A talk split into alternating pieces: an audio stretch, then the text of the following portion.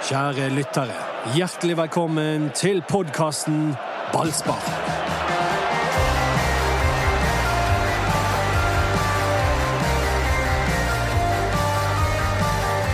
Ja, da ønsker eh, jeg velkommen til eh, dagens podkast Ballspark. Det er mannefall her. Det er to stykker som er syke. Anders Parmar, Mats Bøyum. God bedring til dere. Men vi har selveste Erik Huseklepp med oss! Jeg er Du er. Og så har vi fått inn en, eh, en eh, superreserve. Øystein Wiik. Ja, god dagen. Ja, og for de som ikke kjenner Øystein Wiik, så har dere sikkert sett han. Han er, han er med på Ballspark sine TV-sendinger. Og eh, han er da skrivende journalist i Bergens Tidende og vet alt om sportsklubben Brann. Og ja, Øystein ønske jeg visste alt om men det er, jo- det er jo dessverre noe de greier å holde hemmelig innimellom. Men du, jeg hører på dialekten din at du er fra sånn eh, LAN-område. Eh, har du et sånn spesielt eh, godt, god relasjon til eh, Brann sin trener, siden dere er fra samme distrikt? Nei, det er jo eh, Vi er fra samme distrikt. Nå er vi til og med fra samme kommune etter sammenslåingen. Men Ja. ja. ja, det hjelper jo. Vi må bruke alt som hjelper her i livet. Og det, vi har samme bakgrunner, så det Var du imot, denne, var du imot denne sammenslåingen? eh, Nei. Nei, det, gikk greit for deg. meg. Men det har skjedd noen store ting siden sist gang vi var i studio her, og det er at Brann har fått seg en ny keeper. Jeg er ikke helt sikker på om det er helt offisielt ennå, om eh, alle papirer er i orden, men Jeg hadde en prat Odo, rett før vi gikk inn i studio med, med Brann, og det er ikke, alt er ikke ennå helt i orden. Det er noen papirer de venter på, så det, nå syns jeg det begynner å ta litt lang tid. det gjør det. Og, men vi, vi antar at dette skal gå Ja. i orden. Og eh, hva vet du om denne tyske keeperen som skal spille for Brann tolv kamper? Tolv seriekamper.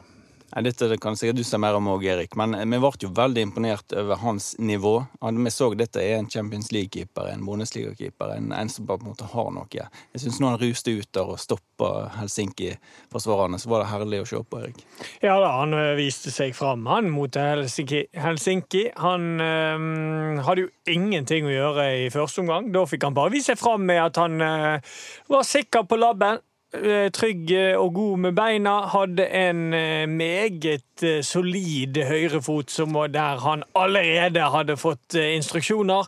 Når du skal slå langt, så skal du prøve å finne han, han lyse med nummer 29 på ryggen. Der skal de lange baller. Og det hadde han fått med seg eh, veldig kjapt eh, tid. Eh, Han hadde jo bare hatt én eh, trening eh, før eh, kampen, men eh, de ballene opp mot Barmen satset et skudd. Etter hvert i andre omgang, da ble han eh, involvert. Um, han, var, han, er veldig, han har en ekstremferdighet i forhold til det å, å komme kjapt ut når eh, eh, motstanderlaget kommer seg igjennom. Eh, da kommer han ut, og han er stor, denne mannen her, så jeg skjønner at eh, det er en del av spillet hans. Han kommer ut i en voldsom fart, ruser ut, er, er stor. Høy og brei, og eh, er flink i de én-mot-én-situasjonene. Og eh, det fikk han vist fram, og så fikk han vist fram òg en del inntredener i feltarbeidet der han eh, jeg husker den ene der han bokset ballen helt ut til kast. Så han er, dette er en sånn kraftfull type. Det var litt unorsk den, gang- den når han bokset det. Da Da tror jeg mange hadde gjort, løst den annerledes. Enten prøvd å helte den, eller så liksom sånn fisleboksing ut på sida. Men det var liksom bare sånn skikkelig Kontantboksing boksing. boksing rett ut til kast. Og det er mange som spør seg hvordan denne keeperen som da heter Ralf Fehrmann Var det riktig uttalt, Øystein? Du Ja, som ja, ja. har fortsatt litt tyskkunnskaper i, i Ryktene bunnen. sier at du, at du på fredag kalte han for Rolf. Eh, Jeg vet ikke hvor du har det riktig fra, men Ralf eh, Ralf Fehrmann eh, Jeg må jo bare si at eh, jeg, var jo, jeg bare så på oppvarmingen. Altså, han er jo eh, 100 meter høy og eh, to meter brei og eh, ekstremt kraftig, ekstremt myk når jeg så på oppvarmingen. Så han er jo klassekeeper. Og hvordan kunne en sånn eh, stor keeper eh, havne her i Bergen? Og det handler jo om at Schalke 04 ønsker å ha han kampklar til sesongstart. Og den norske ligaen var en av de få åpne der det var mulig for han å legge han ut på lån. Er ikke det Ja, tilfellet? det er helt rett, eh, Dodo, at han eh, Schalke måtte få han i form. Det ble jo mislykka for eh, Fairman i, i Norwich. Det var liksom Premier League-drømmen hans da skulle realisere det. Men så ble han skada, og så tok Tim Krul pla- plassen. Og så bare satt han der borte i Norwich, og eh, ting gikk ikke. Og så vil Schalke ha han tilbake i storform, og da må han rett og slett eh, få, få noen kamper. For at, eh, sitter du på benken, så blir du bare dårligere. Men altså, jeg, jeg må jo si Går det an å ha to tanker i hodet samtidig? Jeg, ja.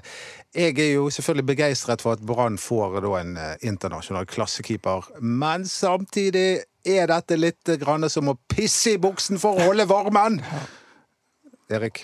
Ja, altså, det er jo for så vidt det, og ehm, Jeg òg er jo der at jeg syns at dette er en veldig god signering for Brann. Det er en klassekeeper, men samtidig så er, har jeg òg en tanke i hodet med at var det virkelig der det var så nødvendig å få inn en, en ny spiller? Fordi at eh, Håkon Oppdal var Når Petter Strand ble skadet såpass tidlig som han ble, så var Håkon Oppdal eh, Branns beste spiller i fjor. Eh, Tapte vel den kampen på BT-børsen pga. de der to siste kampene to der han eh, tapte Tappte, slapp inn elleve mål, og det var jo mm, Og det kan man si at det, det var ikke bare hans feil at de slapp inn så mange mål, for å si det mildt. og eh, Da er det litt hjerterått å gjøre dette mot Håkon Oppdal, som viste i fjor at han fortsatt duger, og eh, selvfølgelig. Men, eh, men sånn er jo fotball, dessverre. Jeg, eh, jeg får veldig vondt av Håkon Oppdal, men samtidig så tenker Brann på hva er best for de som klubb, og det har de kommet fram til at det, det er dette. Det er jo ekstremt kynisk, eh, hvis du ser Det er helt vilt. Og, og her i Bergen så har vi et herlig uttrykk som heter Mollefunken. Og eh, Håkon Oppdal så veldig mollefunken ut eh, under oppvarmingen før Helsinki-kampen, Øystein. Ja, jeg intervjua jo Håkon Oppdal eh, den dagen et, altså etter Ralf Fehrmann første trening, dagen før Helsinki-kampen. Da var jo alle veldig spent på hva kommer Håkon Oppdal til å si. Og han var jo veldig tydelig egentlig på at dette er et signal på at det som ble levert i fjor, ikke er godt nok. Og han, han la ikke skjul på skuffelsen. Og han, eh, han sa jo med rene ord at eh, han føler at Lan ikke har synes det han leverte, var bra nok. da. Og Håkon Oppdal er jo en av de eh, guttene som, slik jeg har forstått det, da, er en mann som har støttet Lars Arne Nilsen i tykt og tynt. Og dette var takkel. Ja, ja det, er jo, det, er jo, det, det er jo litt sånn man tenker, selvfølgelig. Og det er gjerne sånn Håkon òg tenker litt. Men samtidig jeg skjønner at Håkon er kjempeskuffet, og um, det er jo, er jo som man sier, det er jo en mistillit til de keeperne som er der med å hente Fehrmann. eh, Og eh, men sånn er fotball er jo brutal. Eh, Du kan være årets spiller ett år og havne på benken eh, året etter. Altså, fotball er ferskvare hele tiden, og ut ifra hva treneren syns er best for klubben, så er det det man går for. Så, um, så det, det- er synd. Det er, sånn at, det er jo ikke sånn at Brann nå ikke kan hente en stopper pga. dette. her. Det er jo verdt å merke seg, for dette er en veldig, veldig god deal for oss. Så Rune Soltvedt eh, sier om eh, overgangen til Ralf Herman. Dette koster Brann lite. Her er det Schalke som betaler for å få keeperen i form. Så dette har ikke liksom sprengt banken for Brann, Nei sånn da. at de nå ikke kan Nei da, en stopper. ø- altså økonomisk, sportslig, på alle mulige måter så virker jo dette utrolig bra. da. Men det kommer jo en tid etter de tolvkampene, og da skal Håkon Oppdal, skuffet, eh, rusten, eh, ikke i kampform, eh, keeper, overta. Og det, det, Ja, kan, det- det kan hende at vi, vi, det har en bakside, dette. Ja, det har det definitivt. Hvis Altså, de har ikke tenkt så mye hva dette gjør med Oppdal, nei. Hvis han plutselig skal inn og stå der. Men, men samtidig så vil han være forberedt på det, da, hvis det er det som er planen til Brann. Det vet jo vi ikke, om det er det som er planen. Um, jeg tror jo, altså, som jeg har sagt hele tiden, at det det er tydeligst signal til, er jo Erik Holmlund Johansen. At han eh, må finne seg en annen klubb. Det sa jeg med en gang denne overgangen var klar. at eh, han har null og niks fremtid i Brann etter denne overgangen, og eh, det var vel Lars Arne Nilsen langt å bekrefte òg i din sak, eh, Vik. Ja da, Lars Arne Nilsen sa det at eh, Holmen Johansen han eh, har fått signal om at han kan finne seg en ny klubb. Det snakker sannsynligvis på lån, da. virker som det er mest realistisk å få til. Men at eh, han kan finne seg en ny klubb. og Holmen Johansen sin respons på det var at eh, det er vanskelig for han å være i Brann når han vet at eh, sjefen ikke vil ha han der. Men, Det- men det han, det, nå må du korrigere meg her, Øystein, men har ikke han veldig høy lønn i, i Brann? Og Brann kjøpte han for nærmere to millioner kroner. Litt over to millioner, så vidt jeg husker. Nei, det er en vanskelig sak med Erik Holmen Johansen. For han var kjøpt eh, relativt dyrt fra Sandefjord. For han, å bli førstekeeper. Nettopp. Og han fikk eh, god lønn, det er rett, eh, Dodo. Og fireårskontrakt. Og fireårskontrakt. Og så har han jo ikke prestert i hele tatt. Og han de som trodde at dette var en dårlig signering når Brann gjorde det, de har på en måte fått rett. Ja. Så det er jo ikke sånn at eh, de klubbene som kan være interessert i å hente Holmen, de eh, er ikke i nærheten som oftest av å kunne betale det som Holmen får i lønn i Brann. Og eh, det er jo forståelig hvis fyren ikke vil Ja, jo- fem, gå ned fem ganger i lønn, for å si det sånn. Ja, og Det er jo det som kan være resultatet ut av det. Og samtidig hadde vi en fjerde keeper i Brann, som, som har spilt flere eliteseriekamper for Brann.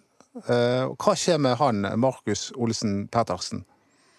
Ja da, altså det var jo Markus Olsen Pettersen eh, var jo noe vi håpte Brann skulle gi en sjanse, eller håpte i, før fjorårssesongen. At jeg håpte oppriktig at Brann skulle gå inn i sesongen uten å hente Holmen. Gå med Håkon Oppdal og Markus Olsen Pettersen. Det ble ikke sånn. Han ble sendt ut på lån til Nessotra, var bare skadet og hadde vel en veldig trøblete oppkjøring med en god del tabber der, så han endte jo med å ikke spille noe særlig der, og kom tilbake igjen til Brann og spilte for Brann 2. og det har vært veldig mye skader med Markus, så først og fremst det jeg tenker med Markus nå, er at han må trene seg opp over tid og, og unngå skader over tid. Og så må Brann da etter hvert finne en, en, en, en, klubb han kan spille i. Om det da blir andredivisjon, så tror jeg at det kan være OK. Så han må bare finne et høyere nivå enn tredjedivisjon, som Brann 2 er i, og spille fast. Ja, helt klart. Eh, Mitt inntrykk er at han har ikke noe sånn veldig høy stjerne i eh, trenerteamet, egentlig, i Brann nødvendigvis. Altså, det har han vært sett på som en som Han har vært lett skada, og han har på en måte ikke bevist på høyt nivå ennå at han kan stå. Så han, eh, han må nok bevise noe nå, hvis han skal eh, gjøre seg skikkelig aktuell. Uansett, vi, det vi har eh, Brann kommer til å bli en bedre klubb med Ralf Fehrmann. I hvert fall i tolv kamper. Men det er jo mm, Ja, Brann De har ikke gjenvunnet tilliten til publikum ennå. Vi vet at det var nede i 3500 mennesker på eh, Odd-kampen i fjor. Og det var 40-50-60 færre tilskuere enn betalende. Eh, Så Brann Det er en tillitskrise med, med publikum. Og vi må tilbake igjen til 2012 for å finne forrige gang en spisskår til tosifret. Og hva, hva skal til nå? Er, er Brann på vei? Så vi noe tegn i Helsinki-kampen at, at Brann sprudler, har et mer, bedre offensivt mønster? Mm, både ja, Bitte litt ja, men mest nei. Eh, Bitte litt ja fordi at du kunne gjenkjenne en del situasjoner i første omgang spesielt. Første omgang var solid og OK fra Branns side. Og måten de skapte sjanser på, det var litt, var litt eh, artig å se. For det var, du kunne plutselig se en liten rød tråd i det de gjorde. De skapte flere sjanser med å F.eks. for eksempel finne Daniel Pedersen som slo en cross på en høy back. Da det kom et innlegg. Og de hadde flere sånne situasjoner, så du kunne begynne å gjenkjenne litt ting. Ehm, men igjen vil jeg bare kalle førsteomgangen solid, fordi at Brann skaper bare to sjanser. De skaper én sjanse som de skårer på med Barmen etter dødball, så skaper de én sjanse, klar sjanse, med Robert Taylor etter at de har vendt spillet med Pedersen. Gilly Rolandsson 45 grader ut, og så bommer Får ikke helt eh, Taylor treff på ballen, men det er en stor sjanse. Eh, etter hvert så eh, er det liksom i andre omgang detter de ganske kraftig. Helsinki tar over kampen, og det er fortjent at de utligner. Og så er det vanskelig å si hva nivå er dette Helsinki-laget på. Eh, De hadde enkeltspillere som jeg syns var meget bra, men det er vanskelig for meg å vurdere hva nivå dette laget var på. Men eh, det var ikke noe overbevisende forestilling av Brann. Nei, det er altså De hadde jo én kamp der de plutselig sprudlet mot Djurgården. Men ellers så føler jeg at Brann har ikke kommet så langt i vinter som Nei. jeg skulle ønske at de hadde. Nei, det er akkurat det. Og mot uh, Djurgården Du sitter jo òg med to følelser. Jeg har litt rundt den kampen. Det ene er jo hvis du teller sjanser, så er jo Brann griseheldige som oppnår det resultatet de gjør. Det er jo bare til å erkjenne. sant? Det er keepertabber som gjør at uh, Djurgården slipper inn mål, og Djurgården har egentlig like mye muligheter som Brann.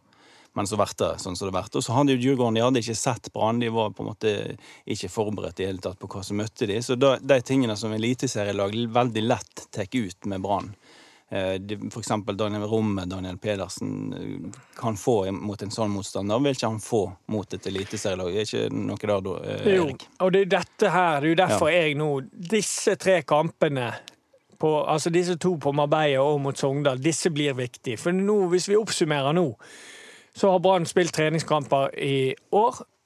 Og de to de har møtt norsk motstand som er mest mulig likt det de møter i serien. De har møtt Åsane og Ålesund. Begge de har de tapt. Da har de møtt lag som er veldig forberedt på Branns styrker, veldig forberedt på hva Brann kommer til å komme med, og da har ikke de vært like gode denne, disse tre treningskampene som er nå, ekstremt viktige for Brann. De må vise her i de tre treningskampene at eh, de kan komme med noe som, som motstanderen ikke klarer å stoppe. Så jeg, jeg er veldig spent foran de tre siste treningskampene. Men nå er ikke det egentlig fire, for de skal jo spille allerede i morgen, eh, tirsdag, eh, mot 10. Eh, mars, blir det. Mot selveste Sotra. En ny kamp mot Sotra. ja da, jeg, den er jo igjen, men den føler jeg er null verdi for, for Brann. De spilte mot disse i forrige uke og ja, kjørte over de, og det, det blir nesten som å spille en internkamp på, på trening. Det, de får en god fysisk økt av det. Jeg, Men det er jo da, da. Er ikke det greit med treningsøkt? Jo da. I forhold til Istedenfor å trene en vanlig fotballtrening, så er det helt greit å spille mot Sotra, for så vidt. Men sånn verdimessig i forhold til spillet sitt, eh, så, så ikke det så mye verdi i den kampen. Men um, fysisk bra. Det var veldig interessant å se kampen mot Helsinki, ikke minst fordi at Mods Ivar Mjelde satt en halvmeter fra Øystein og meg og han, han, eh, han prater hele tiden, han. Mons Ivar liker fotball, liker å snakke om fotball. Ja, det gjør det. Og, og jeg ja. slengte ut noen sånne agn til han, og han grep det. og Det var utrolig interessant å høre han eh, formidle mm, hva han mener var styrker og svakheter med Brann. Og en av de han trakk fram, eh, og det har jo vi også gjort, det var jo Kolskogen. Og er han rett og slett blitt Vito Wormgårds erstatter? Jeg vet ikke, men eh, altså, jeg har vært veldig klar på at Brann trenger en midtstopper. Det er jeg egentlig ennå. Eh, men eh, samtidig så, så, begynner jeg å helle mer og mer over, sånn som Brann skal spille nå. I forhold til høye backer og være litt offensiv på den måten, så trenger de Kolskogen sin fart, og de trenger Acosta sin fart. Så dyrk det midtstopperparet der, og så er det en annen oppside med det. Da viser Brann endelig at det er mulig å slå igjennom når du er ung gutt fra lokalområdet her. Og bare gi han sjansen. Det kommer til å bli noen feil innimellom. Men han kommer til å bli kjempegod. Med den farten og den eh, taklingsevnen og, og, de tingene der, så kommer Kolskogen til å bli kjempegod. Og jeg, jeg, jeg, mener kanskje nå at de bør bare gå med han. Klarer du ikke å føle deg at når Brann står der mot Rosenvåg på Lerkendal, så er det Kolskogen som skal stoppe trønderne? Nei, men uh, per nå så mener jeg at det bør være krystallklart at det er de to som skal spille. Jeg eh, tenkte jo tidligere i vinter litt på Eggen Rismark og Kålskogen i forhold til å komplementere med hverandre, men Eggen Rismark har dessverre for, eh, for, dårlig fart i beina til å spille sånn som Brann skal spille nå, og da, uh, er det Acosta og Kålskogen som passer best sammen. Det Ankepunktet mot det er jo det at uh, Acosta har vist tidligere at han trenger en skikkelig leder ved siden av seg, og det kan du ikke kreve leve av Kålskogen, Kolskogen. Men eh, det hadde vært gøy, og det hadde vært um, modig og bra for Lars Arne sin del som trener, og, gitt Kolskogen denne sjansen nå. Men jeg må jo bare si at jeg også er helt enig med deg at det hadde vært artig. Mulig at det kommer litt for tidlig for Kolskogen, men jeg nekter å tro at Brann går inn i 2020-sesongen uten en ekstra midtstopper. Jeg er så sikker på at de kommer til å handle. Hva tror du, Øystein? Ja, jeg òg nekter litt å tro det, men uh, det begynner jo å nærme seg denne seriestarten. Ja. Så det er, jo, det er jo akkurat det som er problemet. Brann har sjekka mange, de har hatt lyst på noen. Og så er det veldig vanskelig å få inn han de tror virkelig kan forsterke laget innenfor det budsjettet de har. Ja. Det er jo det som er den store utfordringen. Ja, og det er jo derfor jeg mener nå at nå begynner det å dra på sånn tid, og da vet du hva som pleier å skje. Da henter de en eller annen som ikke er så veldig god, som ikke hever laget noe særlig. da og da er det ikke noe poeng. Nei, da mener jeg de går med Kolskogen. Men, Men de kommer til å gjøre, for Kolskogen er for ung. Ja, han- de kommer til å prøve. Det, men, det forrige intervjuet dere hadde med Lars Arne Nilsen, i, og dere snakker om unge talenter også, så, det, Du merker motstanden hans mot å bruke unge talenter. Og, du, og vi vet at uh, Eggen Rismark overhodet ikke er noen favoritt hos uh, LAN lenger. men du glemmer en faktor oppi dette her, og det er det som skjedde i fjor høst. Altså, Lars Arne beholdt jobben, men det kom med en del premisser her. Så det er ikke sikkert at han får lov å bestemme at det skal komme inn en ny med midtstopper. Det kan jo være at Brann eh, sier at vet du hva, gå med det du har. Ja, men det er, ing, det er ingenting som tyder foreløpig på at LAN har endret eh, på en måte sin fotballfilosofi. Han har endret seg i forhold til media. Han er, det er high five eh, over en lav sko eh, med journalister. Men han, han eh, Det ser ikke ut som fotballfilosofien har endret seg så voldsomt. Nei, jeg syns heller ikke det. Det er vanskelig å si. Og jeg tror i hvert fall dette med unge spillere, så er det eh, han, han er utrolig opptatt av at de skal være klare. på en måte. Det, han vil ikke bruke tid på Brann sitt første dag på å gjøre noen gode nok for Eliteserien. For han, han, og spesielt ikke nå, tror jeg. Når det er så utrolig viktig å være god fra dag én. Altså da, da At en unggutt skal gjøre tabber, og så vokser han litt på det, og så, men så tapte Brannkampen. Det tror ikke jeg, det er ikke LAN interessert i. Men det er veldig rart hvis de ikke henter altså Jeg, jeg skjønner jo tankegangen deres. Jeg, jeg er helt enig. Det blir veldig rart hvis de ikke henter en mistopper, For da skjønner jeg ikke utlånet av Jesper Løvgren, for da hadde de trengt han òg. Ja, absolutt. Så det, det blir veldig tynt med de tre de har der, uansett. Så jeg tror at det kommer til Det er min spådom. At de kommer til å hente en midtstopper. Men det er det de fleste sier i eh, fotballmiljøet i Bergen, og mange sier det er spørsmålstegn rundt Kolskogen. Altså når han fikk sjansen der i Åsane, så var det plutselig sånn oh, det, dette er litt for mye for eh, Kolskogen å takle. Eh, og så har han jo vært et par år eldre siden den eh, debuten, men det er litt sånn Kommer det sammen til å skje nå, hvis han spiller for Brann i Eliteserien? At det, han er rett og slett ikke helt moden? Altså Det er det store spørsmålet. Ja da, det, det kan skje. Jeg var i Åsane når han var der, og det han slet litt med de nervene og de tingene der eh, i forkant av kamper og sånn, men må, må ikke glemme det at nå har han eh, Han fikk Han lærte nok veldig, veldig mye av det òg. At han ble slangt inn litt for tidlig den gangen i Åsane. Ble i Åsane i fjor, var med på en opptur, spilte fast i et lag som bruker opp. Det er undervurdert hvor mye selvtillit og hvor mye sånn trygghet man bygger på det, for der har han nok vokst veldig. Ehm, virker veldig klar for dette, syns jeg. Måten han uttaler seg på og, og, og de tingene i media. Jeg syns han virker offensiv og fin. Jeg liker holdningen til Kolskogen. Han sier at jeg skal virkelig vise, jeg pleier å være god om vinteren, jeg skal virkelig vise at jeg har noe her å gjøre. Eh, god inngang, og han har vist det òg. Eh, han var Utfordringen med Kolskogen er 3-1-målet til Ålesund. Der får du utfordringen hans, fordi han er ikke spesielt god i de fysiske duellene. Der ble han vippet vekk av eh, en liten eh, kar som heter Castro. Og eh, de skårte på det. Skulle kanskje vært frispark, men det, det er Kanskje, kanskje ikke. Men de situasjonene vil skje i, i, i Eliteserien òg. Og der er hans store eh, utfordring. Men folk skal vite det at han har tatt steg der òg. Han, han er mye bedre fysisk nå enn han var for to år siden han kom til Åsane. Men hvis vi ser bort nå fra midtstopperplassen, så ser laget satt ut. Det er nesten ingen tvil om noen av plassene. Jo, Ja det er det. Hvilke da? På mener du at, eh, at det er helt greit at eh, Ordagic spiller istedenfor Haugen? Nei, det kom, Haugen var småskadet sist Nei. gang. Jo, Nei. det var han! Nei. Nei. Nei. Han, eh, han var jo veldig tydelig på det i BA etter kampen. Hvem? At han, Haugen? Haugen? At du må spørre treneren hvorfor jeg ikke spilte denne Ah, kampen. ja, Men det, fordi Brann, jeg fikk beskjed av mediesjefen til, til Brann om at han var Ja, han var småskadet. småskadet mot Sotra, ja.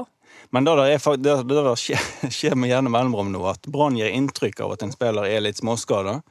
Og så uh, spiller han ikke, og så etterpå ser han sjøl at han ikke var småskada. For laget er ikke satt. Han, Men, uh, per ikke- nå velger han Ordagic og Barmen. Ah, det, det, det går ikke an. Haugen må uh, spille. Selvfølgelig må han det. Ja. Men, så jeg mener Haugen, Barmen, eh, Daniel Pedersen per i dag. Og på topp så har vi da Du Bamba. mener det, men det er jo Ja, ikke jeg, jeg, jeg er ganske sikker på at også Lan mener det. Og det er ikke Ja, noe tvil om det virker jo ikke sånn. Det er ikke noe tvil om angrepsrekken. Kom som Men du må se på hva som skjer. Vi må, vi må. Du kan ikke tenke foran. Se, du, vi må dømme ut ifra det vi ser. Så per nå så er det Ordagic og Barmen som spiller indreløper. Fordi at hadde du fått rett, så hadde Haugen i hvert fall kommet inn i pausen mot eh, Helsinki. Han kom ikke inn før det 60. minutt. Eh, Altså, hvis ikke Haugen spiller fra start mot Rosenborg, så skal jeg eh, personlig ringe Lars Arnhild. Jeg er enig med deg, Dodo. Men det, det ser ikke sånn ut. Vi må jo bare dømme det vi ser. Man får gå inn i, da, man får gå inn i høvet litt der til Lars Arne Nilsen. Erik. Hva, argument kan han ha for å bruke Ordagic Jeg vet Haugen? ikke, men han er veldig glad i Ordagic. Han er veldig glad i, blitt veldig glad i han som spiller. Eh, sikkert løpskraft. Det pleier jo å være det eh, som er Å gjøre få feil. Ja, å gjøre få feil. Spiller veldig trygt. Veldig lite risiko i spillet til Ordagic. Eh, Men samtidig, for meg da, så eh, vil det òg si at eh, det skjer ikke så veldig mye ut av det han gjør. Eh, For meg er det klinkende klart. Det er Haugen og Barmen. Så lenge Petter Sand er ute, så bør Haugen og Barmen spille hver eneste kamp i de indreløperrollene. Daniel Pedersen kom inn som et friskt pust på midtbanen, vært god. Jeg syns han er flink, Pedersen, i i forhold til det å, å, å se fremover. Han slår gode pasninger fremover. Jeg liker de der eh, rett frem-pasningene i bakrom fra Pedersen. For det, det er noe som bryter litt opp med det tidligere mønsteret til Brann, der man bare bearbeider, bearbeider, bearbeider. Plutselig kommer det en, en, et, et stikkforsøk med en litt lengre pasning i bakrom fra Pedersen, og det liker jeg. Det er ikke alltid de lykkes, men det gjør jo ingenting om de lykkes. Hva skjer da? Jo, keeperen til det andre laget får ball, og det er ikke så veldig farlig å miste ball der. Men skal vi snakke om eh, den spilleren eh, nå som faktisk har markert seg denne vinteren? Eh, Hadde en god opptreden igjen mot Helsinki. Og jeg er sikker på at han blir Branns nye publikumsfavoritt. Fordi han gjør noe så sjeldent som Brann-spiller at han rett og slett finter av en spiller, utfordrer, skaper rom.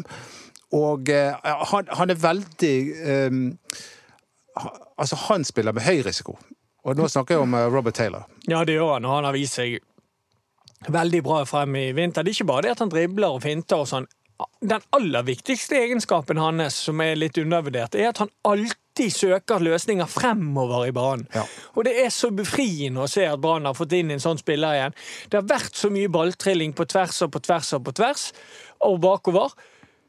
Og nå har du fått en spiller som alltid søker løsninger fremover banen. Han vil frem, han vil skape, han vil, han, vil, han vil gjøre noe. Og det er utrolig gøy å se Robert Taylor. Han blir en publikumsfavoritt i Brann så lenge han eh, Jeg håper han eh, får lov til å være Robert Taylor. At en ikke går inn i en sånn tralt. Da er jo litt bekymringen, da. Om han, eh, for nå har han jo bare vært her i en måned, to. Og det som er Hva skjer når han har mist ballen nok ganger? Altså, Vi vet jo da, vi har jo dokumentert at eh, Lars Arne Nilsen har vært veldig opptatt av at Brann må ikke miste ballen. Plutselig er det et budskap som går rett inn i garderoben at det viktige nå er ikke miste ballen. Og spillerne har uttalt seg om at de, de mangler liksom den, den sjøltilliten og den eh, tryggheten de trenger for å tørre å ta risikoen til de framoverrettede pasningene du snakker om, Erik. Og da spørsmålet er når, når han har fått den hårføneren eller den kjeften nok ganger, tør han fortsatt da? Jeg håper det. Og han virker som en fyr som eh, kommer til å gjøre det. Han virker som at han spiller litt eh, eh, Om ikke for seg sjøl, men han, han, han tenker litt sjøl i det offensive. Prøver å være skapende hele tiden. Så det må han bare bevare. For det er klart at med en gang eh, Taylor ikke gjør det, så blir jo han bare en, en av mengden. Og da er jo det som gjør han spesielt vekke, og da er jo ikke sikkert at han får spille i det hele tatt. Så han må jo gjøre det. Eh, Da kan eh, Brann stadion eh, sitt publikum glede seg til eh, sesongen, for han, han eh, har virkelig potensial til å bli en favoritt på stadion. Ja, For de som ikke har sett Robert Taylor ennå, så um, kan dere glede dere. Um, så den type spiller vil nok svinge litt fra kamp til kamp. Ja. Ja men, men, han, Men det må han få lov til. Det må han få lov til på sitt beste. En fryd å se på. Men det er en annen spiller som også har markert seg denne vinteren. Og alt tyder nå på at han blir kaptein, Øystein. Ja, det er ikke umulig. Det er jo Kristoffer Barmen du nå Ja. snakker om. Han, eh, han er liksom en litt annen eh, type nå, eh, Barmen. Det, det er jo en Han har vært kalt ofte bohe- bohemen i Brann. Altså, vi vet jo at han har gjort litt sånn uortodokse valg. Ikke, han er ikke liksom Ole Einar Bjørndal-typen. men men, men nå er han Han har, han har tillit hos Lars Arne Nilsen. Han har uttrykt tillit for Brann som trener i media for ikke lenge siden.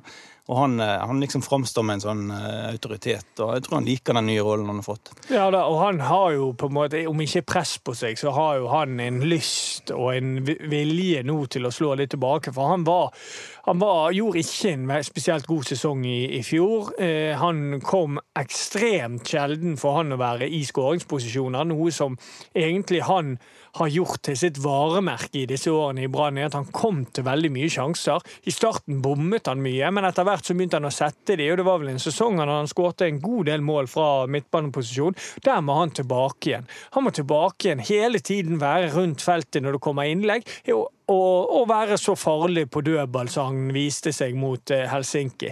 Eh, for Barmen er en, en, en veldig god boks-til-boks midtbanespiller. Hvis det kommer mye innlegg og mye situasjoner i boks, så er han ofte der, og det er der han må tilbake igjen. Han er blitt Lars Arne Nilsens mann eh, ute på banen der. Og nå kom jeg på Men jeg tror at det blir Daniel Pedersen fortsatt, ja, OK, vi får se. Eh, som kaptein. eh, men nå vet jeg for Jeg ble litt sånn stuss når du sa at jeg hadde kalt Ralf Fjermann for Rolf. Men det hadde jeg ikke. Men jeg hadde kalt Kristoffer Barmen Ja, for, for Rolf Bar Barmen. Fordi, det var det som skjedde. Fordi Opptil flere ganger.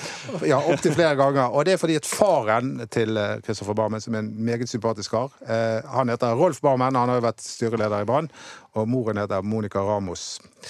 Eh, og far, bestefaren heter Joao Ramos. Men um, Ja. Eh, Han bor på Kapp Verdøyene. Men det var en helt annen historie. Um, som eh, jeg har fortalt om før, så det skal jeg ikke gjøre nå. Um, I morgen så skal de møte uh, Sotra. Men før det så må vi snakke også om at det har vært et årsmøte og, i Brann. Og det var jo en fyr der som uh, jeg, jeg må si at jeg alltid har, uh, liker folk som på en måte utfordrer en slags nordkoreansk konsensus. Um, Men han dro det litt langt, denne her Harald Johannessen, som har vært Brann-spiller tidligere på 70-tallet.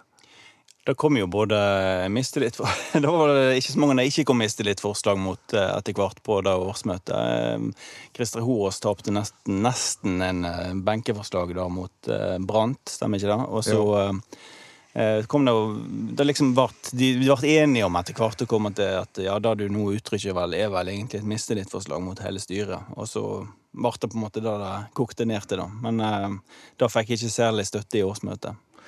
De gjorde ikke det. Eh, Det er Stø kurs, banen holder da. Men jeg må jo bare si at det kom Nå skrev ikke BT noe om det, men eh, BA hadde at han er Harald Johannessen også. Han, han, han likte ikke og at, at Brann eh, hadde vært med i Pride eh, Nei, det var også et tema. Al- al- Altså, det det går bare ikke an. Og han må ikke kalle det politikk, for det handler ikke om politikk i det hele tatt. Det handler om kjærlighet.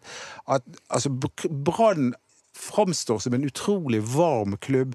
De har dette gatelaget, jeg vet ikke hva det helt kalles. Det er som Erlend Hansvedt eh, Ja, jeg tror bare det heter gatelaget. ja, gatelaget. gatelaget. eh, De på en måte har et hjerte for de svake i, i, i samfunnet. De har vært tydelige i sin støtte til, til de homofile, regnbueflagg osv. Eh, mot Så har de vel noe som heter Jobbsjansen i tillegg. Ja, Ja.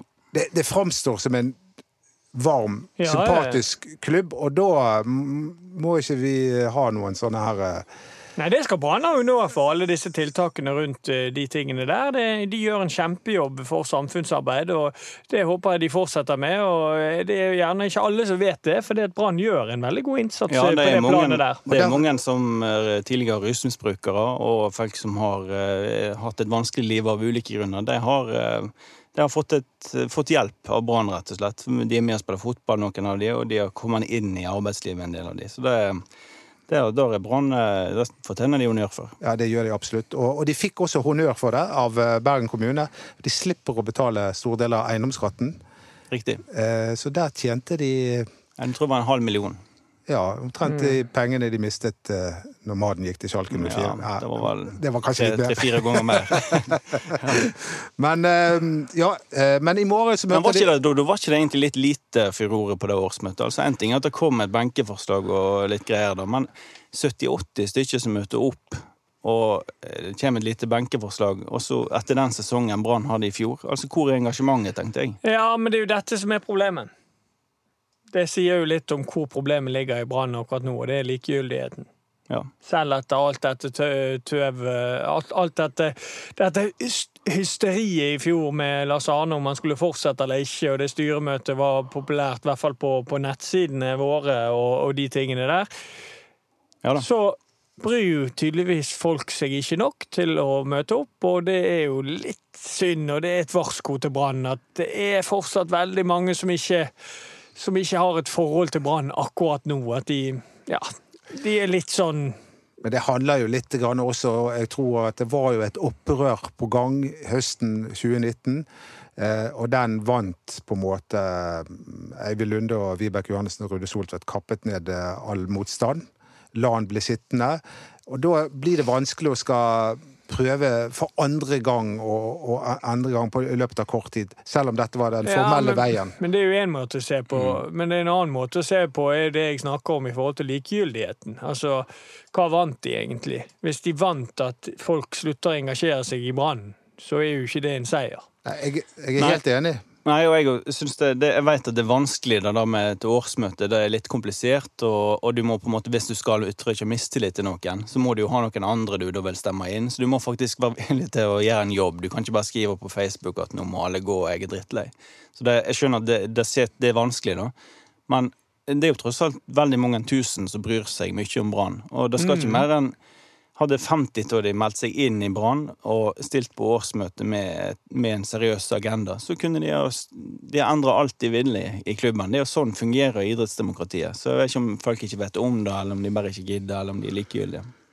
Nei, det er vanskelig å si, men øh, nå øh, Jeg er jo der nå at nå må man gi Brann en sjanse, og jeg håper jo at Brann gjør det kjempebra i år.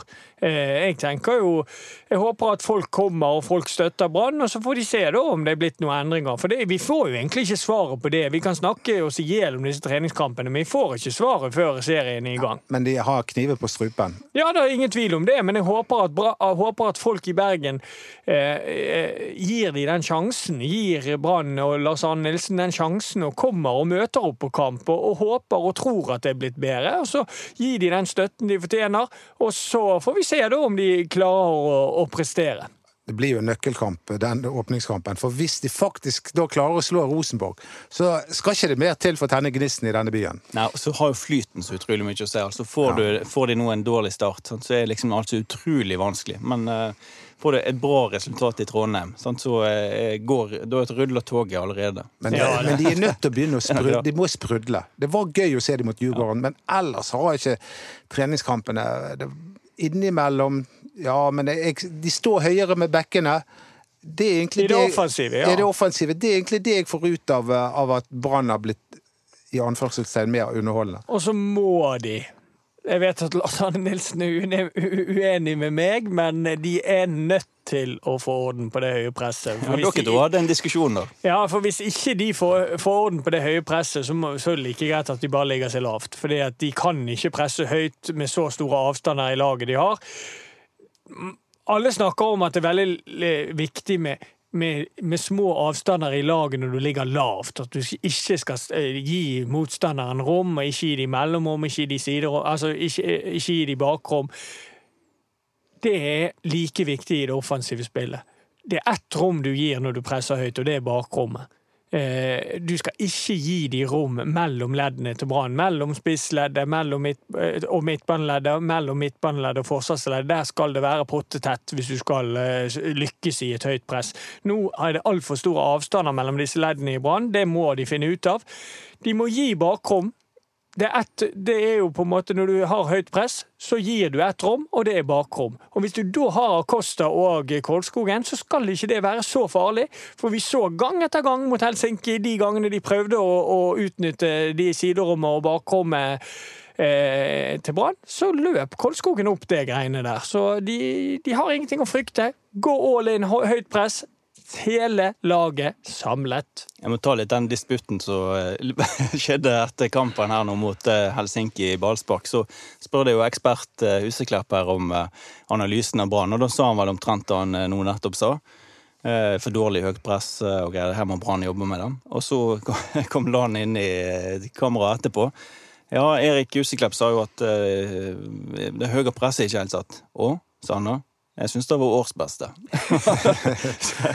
Nok Men en gang uenig. det, men, men det er ikke første gang meg og han har vært uenige, så det, det er vi vant med. Men det er jo, det er jo eh, De øver Det er hele tiden snakk om dette høye presset. Det er det vi de liksom øver på. Spill, til spillerne, Kristoffer Barmen nevnte det også, at eh, det, det høye presset det, det er liksom et her mantra. Så Jeg skulle jo ønske at det heller at de øvde på en eller annen sånn spennende offensivt eh, samspillsmønster, et eller annet. Men det er det høye presset som skal skape brudd høyt oppe, og det er sånn Brann skal lage mål.